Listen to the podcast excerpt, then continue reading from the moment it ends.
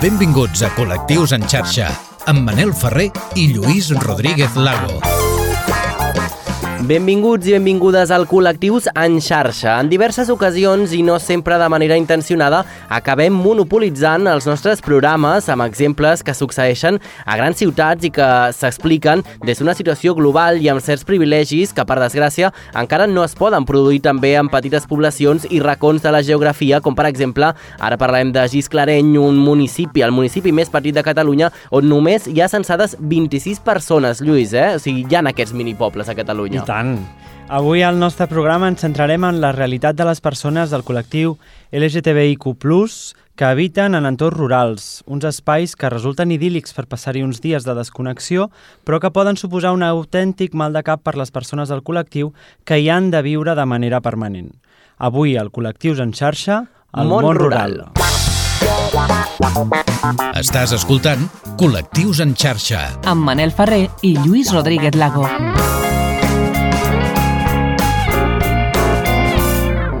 A l'episodi d'avui volem descobrir què hi ha de cert i què no sobre la realitat que viuen les persones en entorns rurals. És possible conviure en un poble petit sent gay, lesbiana o transexual?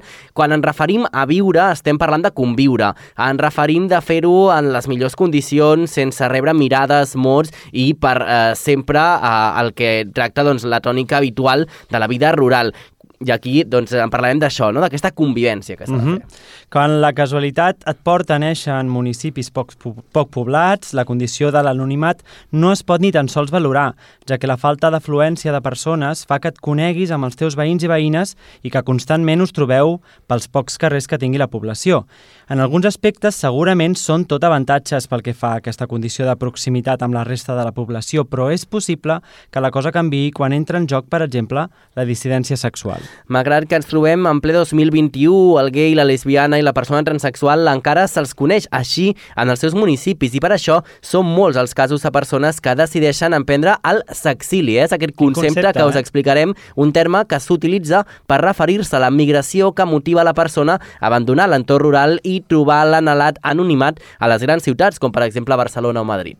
D'aquesta manera es permet a les persones viure en llibertat la seva condició, aconseguint una llibertat sexual sense ser jutjat ni assenyalat per la resta. Un esforç que, sens dubte, també obliga a les persones a perdre les seves arrels i a iniciar un camí lluny de casa, que no sempre té relació amb la cerca d'una feina millor o d'emprendre uns estudis concrets, sinó que respon simplement a la falta de llibertat de moviments que s'articulen vers la condició sexual de cada persona.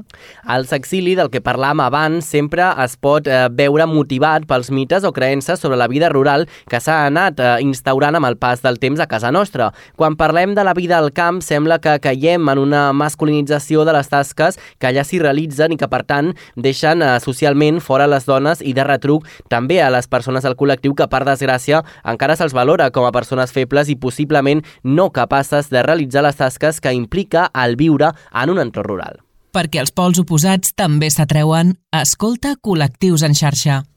Per tant, parlem de machos machos, no? La referència seria com a persones mm -hmm. rudes, no? I gent forta, no? Bueno, i tasques del camp que Implica una força, a vegades... Clar. Mm -hmm. Mm -hmm. En ocasions, segur que també heu sentit a parlar de la despoblació d'alguns municipis que, a poc a poc, van perdent vida i les famílies i persones que ja hi viuen cerquen el refugi de la gran ciutat per guanyar en qualitat de vida. Xus Aliaga, un dels promotors del col·lectiu LGTBI a l'Espanya vaciada, explicava en una entrevista que moltes persones del col·lectiu educatiu han hagut de realitzar un exili forçat al no sentir-se respectats ni integrats en aquestes petites poblacions.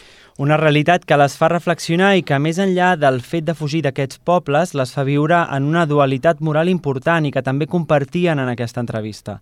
Reconeixen que per salvar la seva llibertat han fet un pas en fals abandonant els seus pobles d'origen, però ara sembla que no volen que això quedi aquí i volen fer un pas més. A poc a poc van apareixent petites associacions LGTBI en entorns rurals i que lluiten a contravent per intentar instaurar els colors i la diversitat en entorns que des de sempre sempre han estat foscos i amb molts clichés. De fet, tornant a la despoblació, afirmen també que cal salvar la diversitat per aconseguir també salvar la ruralitat. També és cert que aquestes primeres entitats LGTBI asseguren que, malgrat que encara hi ha moltes discriminacions, hi ha d'altres que han quedat antiquades i que se segueixen donant per bones quan ja fa anys que no es practiquen, alimentant així el temor a aquests entorns rurals i que a poc a poc la comunitat LGTBI també intenta recuperar.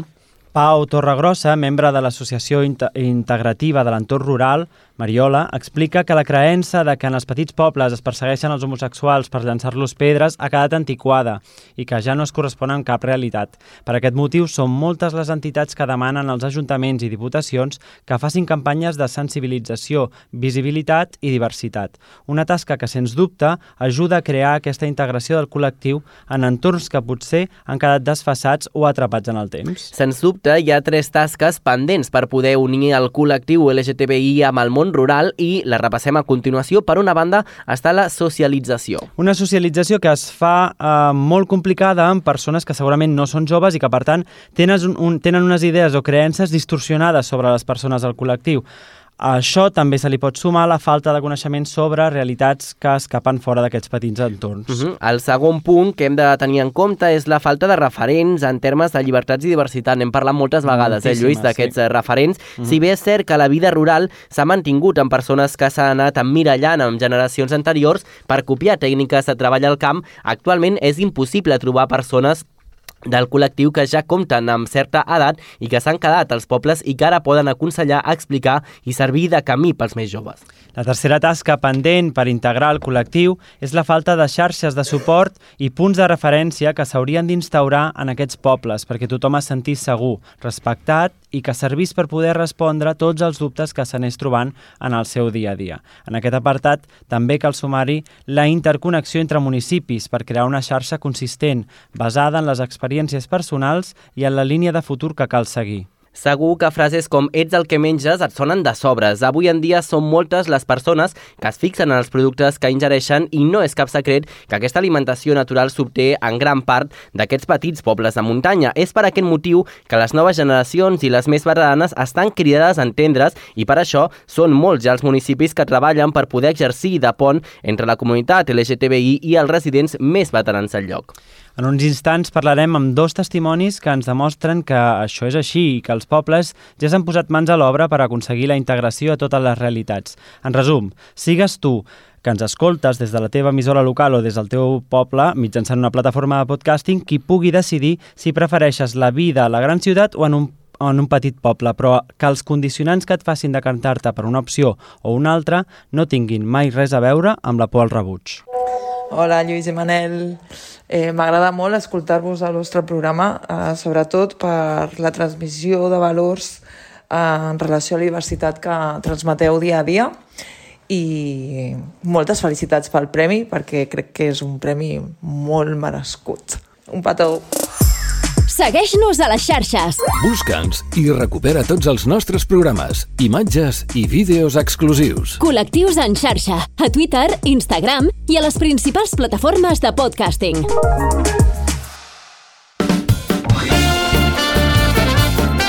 Moltes gràcies a aquesta oient, sí, eh? no? Que... Sí, sí, que el tenim aquí. De fet, si Exacte. cerqueu el vídeo del programa d'avui, doncs tenim aquí el premi i estem premi. molt contents, eh? Encara això se'ns allarga i estarem per dies. una mica, no? Sí, Manet? sí, sí. Ah, el Carles Soler, el nostre tècnic, ens deia, bueno, no relaxeu ara tampoc, no, no, per favor. No, no. Aquí al peu de, del canó. Com dèiem, tornant a aquest món rural, ara ens anem cap a Lleida, concretament fins al municipi de Corbins, que té prop de 1.400 habitants i que aquest estiu van estrenar el documental referents les persones trans en l'entorn rural. Un treball audiovisual impulsat per la regidoria d'Igualtat i que pretén trencar tabús, treure la pols i posar en valor el col·lectiu LGTBI. Avui parlem amb dues de les parts implicades. Per una banda ens acompanya l'Anaïs Camarassa, regidora d'Igualtat de l'Ajuntament de Corbins, i per l'altra en Gorka López, un dels protagonistes d'aquest documental. Què tal? Benvinguts els dos. Benvinguts. Tarda. Va, comencem per l'Anaïs, eh, regidora d'Igualtat de l'Ajuntament de Corbins. Explica'ns primer de tot d'on va sorgir aquesta idea i també mm, explica'ns una mica la realitat que es viu a Corbins en relació al col·lectiu LGTBI. Eh, bona tarda. Eh, bueno, soc l'Anaïs. Sí. Eh, bueno, gràcies per convidar-nos i per fer res d'aquest documental, primer de tot. I bé, la, la idea sorgeix al final, bueno, des que es va crear la regidoria d'Igualtat al, al poble fa dos anys, ja sorgeix aquest tipus d'idees de fer ressò de, del col·lectius, dels col·lectius afectats en aquest cas, i donar aquest mitjà, aquesta, aquest gra d'arena a, a que es faci ressò d'aquests sectors de, del món rural, sobretot, perquè estan com apartats una mica de la, de la societat, són els marges al final de, de tot, i pues, sorgeix aquesta idea al, al gener d'aquest any, dient que, vinga, va, podríem tocar el col·lectiu trans aquest any, uh -huh. amb la idea de pues, l'any que de poder-ne tocar un altre de, de, de sector, i bé, i, bueno, vam conèixer a l'Anabel i, al, i al Gorga, que ens van ajudar, i, i van voler participar superencantats per ser referents d'algun dia, algun futur, o d'algú actual ara mateix, i bé, doncs va sortir aquest, aquest documental. Que bé. Molt bé. Uh, com he dit al principi, en Gorka és un dels protagonistes del documental. Ell és d'Aitona, un poble proper a Corbins, i treballa a la finca de la seva família. Va decidir fer el trànsit allà i volem que ens expliqui una mica com viu una persona transexual en un poble relativament petit. Hola, bona tarda. Eh, mira, sí, sóc el Gorka i és veritat, visc a, visc a Aitona i no és que hagi decidit fer el trànsit aquí, sinó que van així, una mica. Eh? No, és que, no és que ho hagi triat, sinó que, en fi, jo em trobava aquí i el meu moment vital passava per, per fer el trànsit social i, i, i van així. Eh? Uh, una mica és, és casual. Uh mhm. -huh. Però, en fi, no sé, com és? Doncs uh, complicat. Suposo que ser trans és una, és, és, té una part complicada a tot arreu, però en un poble petit i a més a més el teu poble de sempre, on hi ha viscut la teva família, on, hi, on et coneix tothom des de que vas néixer, és molt més complicat doncs, eh, fer entendre el concepte de canvi en un entorn rural i, i tancat com és, com és aquest. Eh? Uh -huh. uh, hi ha gent de tot, evidentment, ja sempre hem de buscar la, les persones que són, que són aliades, que ens ajuden, que ens entenen, que, que ens donen suport i, i poder viure les nostres realitats eh, d'identitat i, i d'orientació sexual on sigui. Uh -huh. Molt bé, ara et seguirem preguntant, Anaïs, també anirem alternant, eh? preguntes amunt i altre. Uh, les institucions teniu també el repte de que el col·lectiu LGTBI es vulgui quedar també en entorns rurals i que sentin també aquest espai com a propi, no? Abans parlàvem d'aquest sexili, no? d'aquest marxar a les grans ciutats. Uh, home, és un deure prou important, no sé, Anaïs, si com a ajuntaments teniu totes les competències perquè això passi o també necessiteu anar de la mà d'institucions més grans. Crec que més que anar de la mà d'institucions més grans, al final el que necessites és que el poble respongui. Clar. Que la gent faci el que, el que toca, que no faci sentir ningú incòmode ningú. Al final jo puc fer el que faci falta, però si però un, un nen trans, per dir per una cosa, eh, sí. al poble es troba amb algú altre que el, pues, el fa sentir malament, es fa sentir incòmode, aquest noi marxarà. Clar. Per molt que la resta intentem fer el que falti. Al final ens fixem en les coses dolentes i, i és això, si ataques amb una persona eh, que necessita aquest poble que et vagi darrere, aquest poble que la gent, és el, la gent de peu que t'acompanyi. Mm -hmm. Anaïs, deies uh, que feia dos anys que s'havia creat aquesta regidoria d'Igualtat, és a dir, que és una regidoria uh, prou nova, no? Si, no sé si ets tu la primera regidora uh, d'Igualtat de, del municipi i com s'encara començar una feina, per així dir-ho, de, de zero. Sí, de fet soc la primera regidora, vaig entrar fa, fa dos anys i vam crear aquesta regidoria. I sí, vull dir, m'agrada molt, vull dir, uh -huh. i m'encanta estar aquí i fer aquest tipus de, de feines voluntàries totalment i, tan encarades com a, al sector, en aquest cas, del col·lectiu LGTBIQ, com en col·lectiu pues, de les dones, del feminisme. Vull dir, s'intenta una mica tocar-ho tot i, i lluitar per aquest, toc, aquest tema que no és només d'alguna part de la gent, és de tots, és, és de tothom. Mm -hmm. I tu penses que hi ha falses creences sobre la convivència entre els veïns de sempre i la gent del col·lectiu? O com descriuries aquesta convivència? A veure, és difícil. Jo, per exemple, bueno, com si veus el documental, s'explica molt bé, per exemple, l'Anabel o el Gorka, coincideixen els dos de, de que al final ells comencen a viure des de que fan el trànsit. Abans la, la seva vida és com si no existís, perquè no la viuen com a ells els agradaria, com ells són, per dir-ho així. Clar. I, per exemple, Anabel diu, destaca molt aquest canvi de que ella el canvi des d'estar a l'escola de Corbins, a una escola del poble, a passar a l'institut, que és a Lleida ja directament, i el canvi és brutal. Uh -huh. I dius, imagina't quin, quin, quin canvi, vull dir que sí, afecta, afecta molt això. Farem alguna pregunta més a l'Anaïs i després farem, uh, seguirem amb el Gorka per poder doncs, uh, parlar una mica més amb ell. Uh, la pregunta que t'havíem de fer, també referit a aquest documental, us va costar molt trobar testimonis uh, per fer aquest uh, documental i no sé si esteu també treballant amb més accions des de la teva regidoria, uh, perquè pel que ens has dit, uh, aneu com a una acció uh, per any, no? És a dir, aneu fent com uh, feines com, com per fases, per etapes etapes. Sí, bueno, de fet, no ens va costar gaire perquè quan a mi se'm va acudir aquesta iniciativa directament vaig parlar amb Anabel. Uh -huh. A veure si li venia de gust, si era una mica incòmode perquè ho entenia i al final s'ha d'entendre això.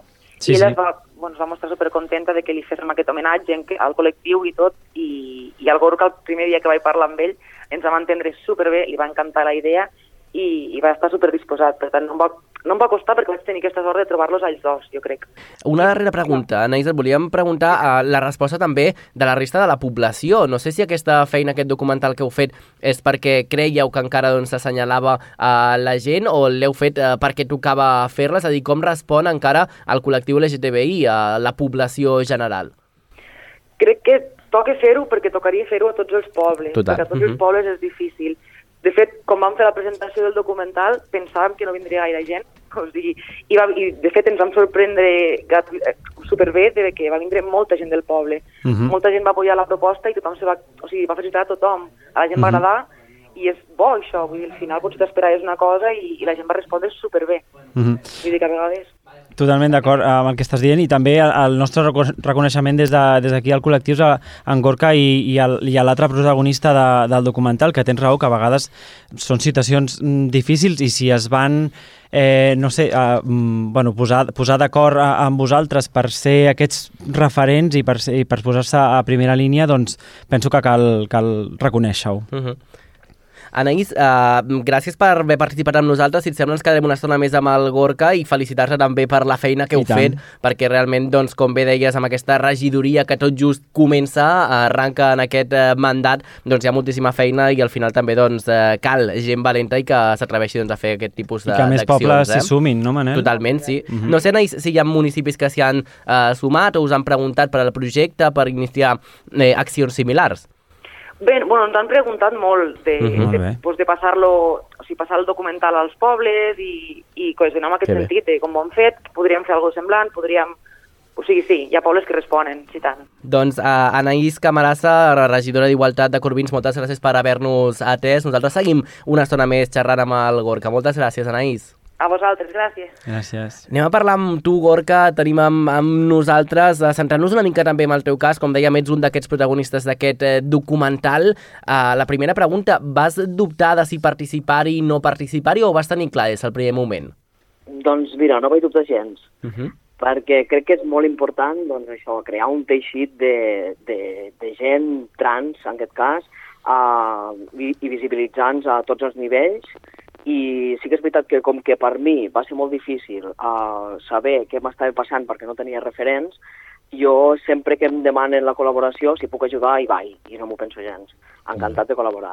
Molt bé, perfecte. Eh? Escolta, eh, i et volíem preguntar, quan creus tu, o si li pots posar un inici a això, eh, però quan creus tu que comença el teu trànsit i eh, et vas sentir recolzat?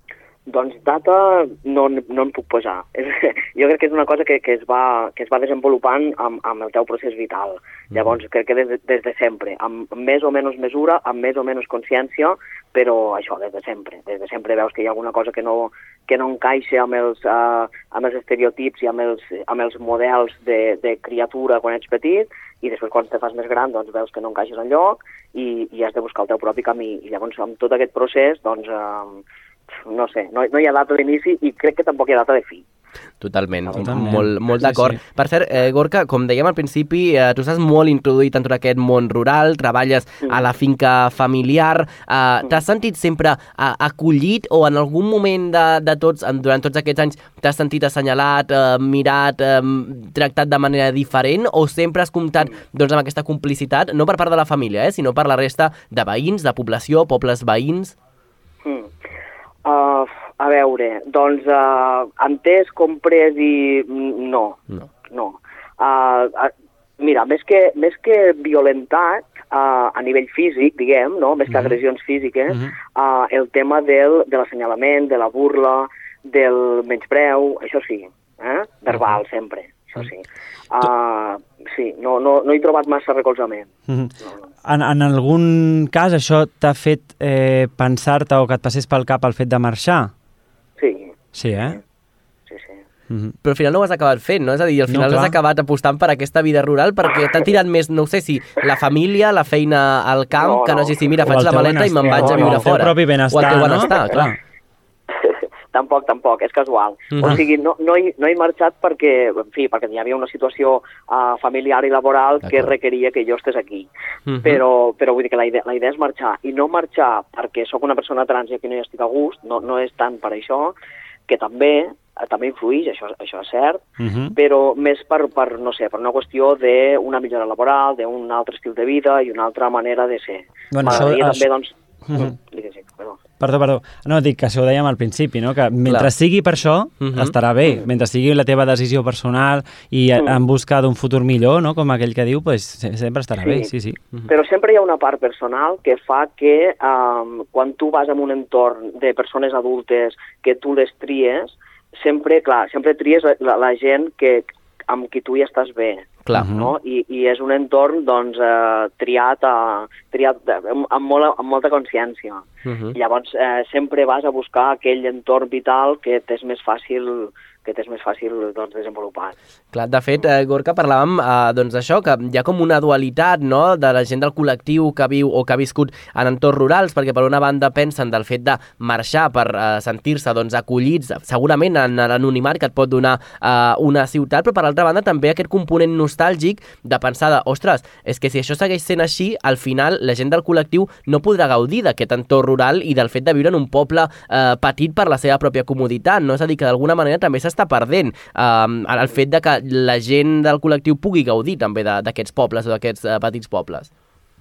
Sí, sí, és, és aquesta la idea. Eh? És D'una banda, eh, quan, quan tu t'hi trobes al teu poble i no estàs ben bé a gust o vols eh, apostar per una vida millor, una vida millor, vamos, no ho sé, una, una, una feina millor, un entorn més, més triat, una altra, una altra manera de viure. Quan tu vols fer això, um, evidentment aquí sempre hi ha un component de, uh, bueno, no sé si de transfòbia, que moltes vegades sí, transfòbia um, encoberta o transfòbia no, no amb agressions físiques, però sí això amb assenyalaments, amb burles, amb menyspreu, doncs això, això també és transfòbia. Clar. I, i, aix- i, tam- i això jo, jo ho vic, i, i a mi a mi m'agradaria doncs, viure tranquil i fer les meves pròpies apostes Clar. i, i, i deixar de rebre tota, tota, aquesta, tota aquesta violència, al final. Eh?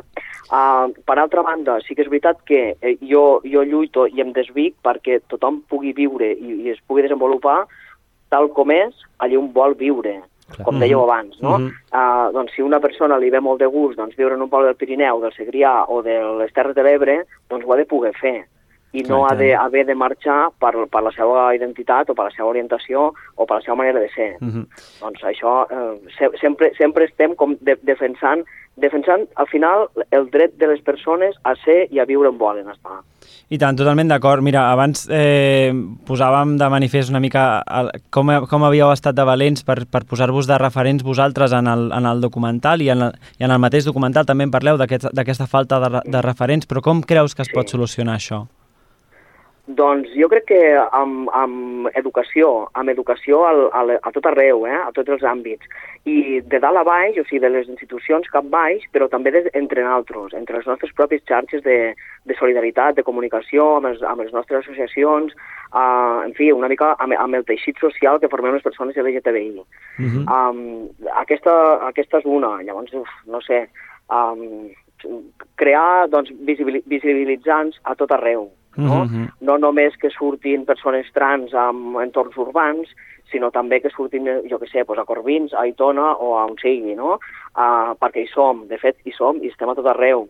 I, i moltes vegades, doncs, uh, en fi, uh, això, això de ser referent és una cosa com, com molt prepotent que no m'agrada gens, um, però entenc que fa falta no? que, que la gent es visibilitzi i que, i que no sé, i que, que doni altres, que ensenyi altres maneres de viure Mhm. i que no passa res, vull dir que al final tots, tots eh, acabem vivint, treballant i tenint una vida més o menys eh, ordenada a la nostra manera, no? Mm. Totalment. Doncs, eh, Gorka, moltes gràcies per la part que ens toca, un, per haver aparegut en aquest Sí. documental i per Sí, aquesta sí. feina que això eh, queda petjada no? en aquest eh, documental que amb el pas del temps doncs, eh, s'anirà veient. Esperem que inclús es pogués veure a les escoles i que se'n fes moltíssima eh, Difusió. difusió. i desitjar-te, sobretot, eh, que acabis visquent al final on tu vulguis, On tu vulguis, on ho dèiem exacte. nosaltres, Sí. però que ho escollis per motius de feina i no al final per, per un motiu de sentir-te doncs, eh, senyalat i igualment, per, si això ha estat així, doncs encara t'honra molt més el fet d'haver-ho explicat eh, en el documental primer i després també en aquestes entrevistes que concedeixes als mitjans i que avui hem tingut doncs, també la sort de que hagis parlat amb nosaltres. Per tant, moltíssimes gràcies per haver estat tan generós amb nosaltres i per explicar-nos també aquesta realitat que, que es viu en aquests entorns rurals. Doncs molt, moltes gràcies a vosaltres per, per donar-nos veu i, en fi, per fer, per fer de la ràdio doncs, una plataforma de coneixement. Molt moltes bé. gràcies. Gràcies, Gràcies. Gorka, que vagi molt bé. Nosaltres gairebé arribem al final del programa d'avui. Tenim encara uns minutets, Lluís, Sí, perquè eh, se'ns han quedat coses A mi m'han... Que m'han sobtat bastant. Sí, a mi també m'han sobtat bastant coses. M'he apuntat coses... Eh, persones aliades. Exacte. Concepte interessantíssim.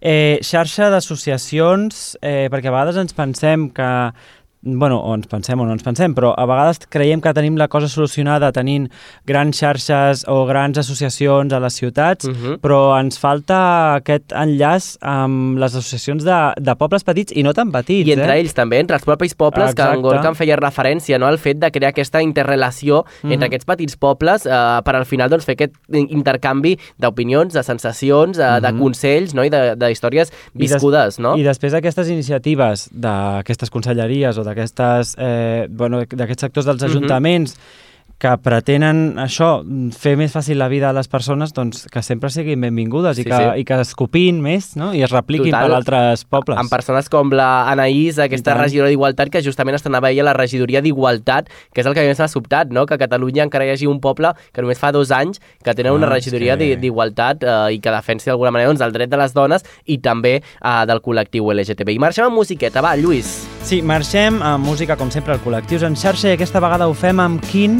i el seu Somewhere Only We Know perquè els pobles tenen aquells llocs màgics, eh? nosaltres ho sabem, que a vegades ens han fet viure històries maques amb alguna persona. Totalment. Doncs aquí ho deixem. Gràcies, Lluís Rodríguez Lago, en aquesta coedició, copresentació amb mi mateix, Manel Ferrer, i a les vies de so i en aquest muntatge musical amb aquesta música que sentiu al Carles Soler, que vagi molt bé. Fins la propera setmana. Us esperem aquí a la vostra ràdio local. Adeu. Adeu. pathway